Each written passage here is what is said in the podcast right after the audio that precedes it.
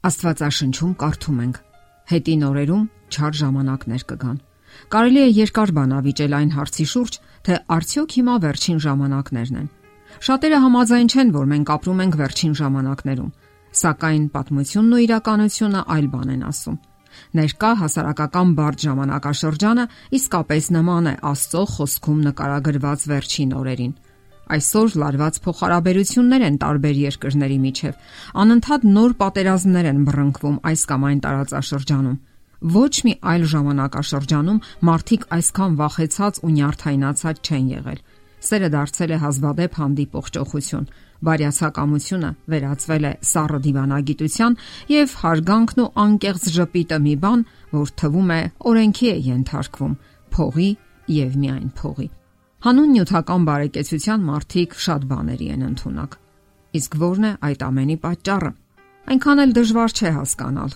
Ներկա հասարակությունը վերածվել է մի ընկերակցության, որտեղ համարյա տեղ չկա Աստծո համար։ Մեր հասարակությունը նման է մի ճեպընթաց գնացքի, որի մեքենավարը սատանան է։ Բայց չէ որ մեր հասարակությունը իսկապես կարիք ունի Աստծո կենթանի խոսքին։ Շեշտադրենք, որ ցանկացած հասարակություն ապաշխարության կարիք ունի, ինչպես նաև Աստվածային առաջնորդության։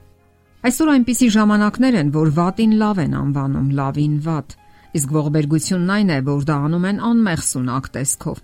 Ահա թե ինչու նման մարդկանց միայն կարելի է կարեկցել։ Երբ մարդիկ անտեսում են Աստծո խոսքը եւ Աստծո անփոխարինելի ճշմարտությունները, հասարակությունը լուրջ հիմնախնդիրներ է ունենում։ Մարդիկ իհարկե կարող են տարբեր կարծիքներ ունենալ տարբեր հարցերի շուրջ, սակայն դա երբեք չի կարող փոխարինել Աստծո ճշմարտություններին։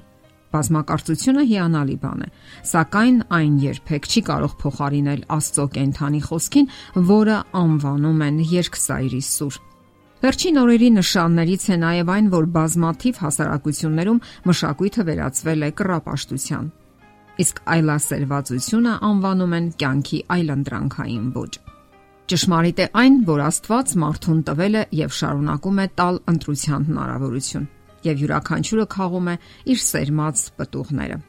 Իրավիճակը նյութական ոլորտում եւս վկայում է վերջին ժամանակների մասին։ Աշխարհի հարստության մեծ մասը գտնվում է փոքրաթիվ հարուստների ձեռքին, ովքեր շահագործում են մեծամասնությանը եւ հսկայական հարստություններ դիզում, ինչ մեծամասնությունը հազիվհազ դիմանում է կենսական դժվարություններին։ Ընդ որում դա հեգնական անվանում են ճակատագիր։ Սակայն դա երբեք էլ չի եղել Աստծո ծրագիրը։ Աստված հավասարության կողմնակից է եւ ոչ այնպիսի բևեռացումների, երբ մարդկանց մի խումբ հսկայական հարստություն է դիզում, ոչ մյուսները չեն կարողանում հոգալ իրենց տարական կարիքներն անգամ։ Կարող ենք ասել, որ այսօր մարդիկ ավելի կարեկից են, անկասկած ոչ։ Վերջին պատերազմներից մեկի ժամանակ կողմերից մեկը դիմում էր աշխարի մնացած երկրներին օգնության համար, սակայն այդ ավելի ուժեղ ու հզոր երկրները լռում էին եւ միայն անիմաստ հայտարարություններ անում։ Իսկ այդ ժամանակ արկերից եւ այլ զենքերի հարվածներից զոհվում էին երիտասարդ զինվորները։ Նրանք մահանում էին աշխարհի քար անտարբերության ու լռության պայմաններում, Իսկ այդ ամենի հիմքում սեփական շահն էր եւ պարզապես կարեկցանքի բացակայությունը։ Եվ մարդիկ նման անտարբերությունը կարող են անվանել խաղաղություն։ Սպանում են դեռևս չծնված նորածիններին եւ դա անվանում են ընտրություն։ Նախանձում են մերձավորի ունեցվածքին եւ դա անվանում են ձգտում։ Անտեսում են երեխաներին կարգապահության ընտելացնելը եւ դա անվանում են ինքնահարգանքի ձևավորում անվայելուչ, անպատշաճ երևույթներն ու սեռական սանձարձակությունը անվանում են ազատություն։ Մարդիկ ծիծաղի առարկա են դարձնում ազնվությունն ու անկեղծությունը։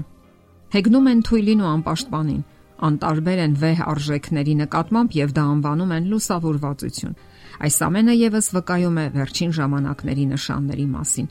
Ահա թե ինչու հիմա է ժամանակը հասկանալու, որ միայն Աստված կարող է քննել ու ճանաչել սրտերը եւ մեր բոլոր ներքին խորհուրդները, տեսնել այնտեղ բնակվող բոլոր չար դիտավորություններն ու մտքերը եւ ի վերջո ազատագրել մեղքից։ Ահա այսպիսին է լինում այն հասարակության վիճակը, որը փորձում է ապրել առանց Աստծո։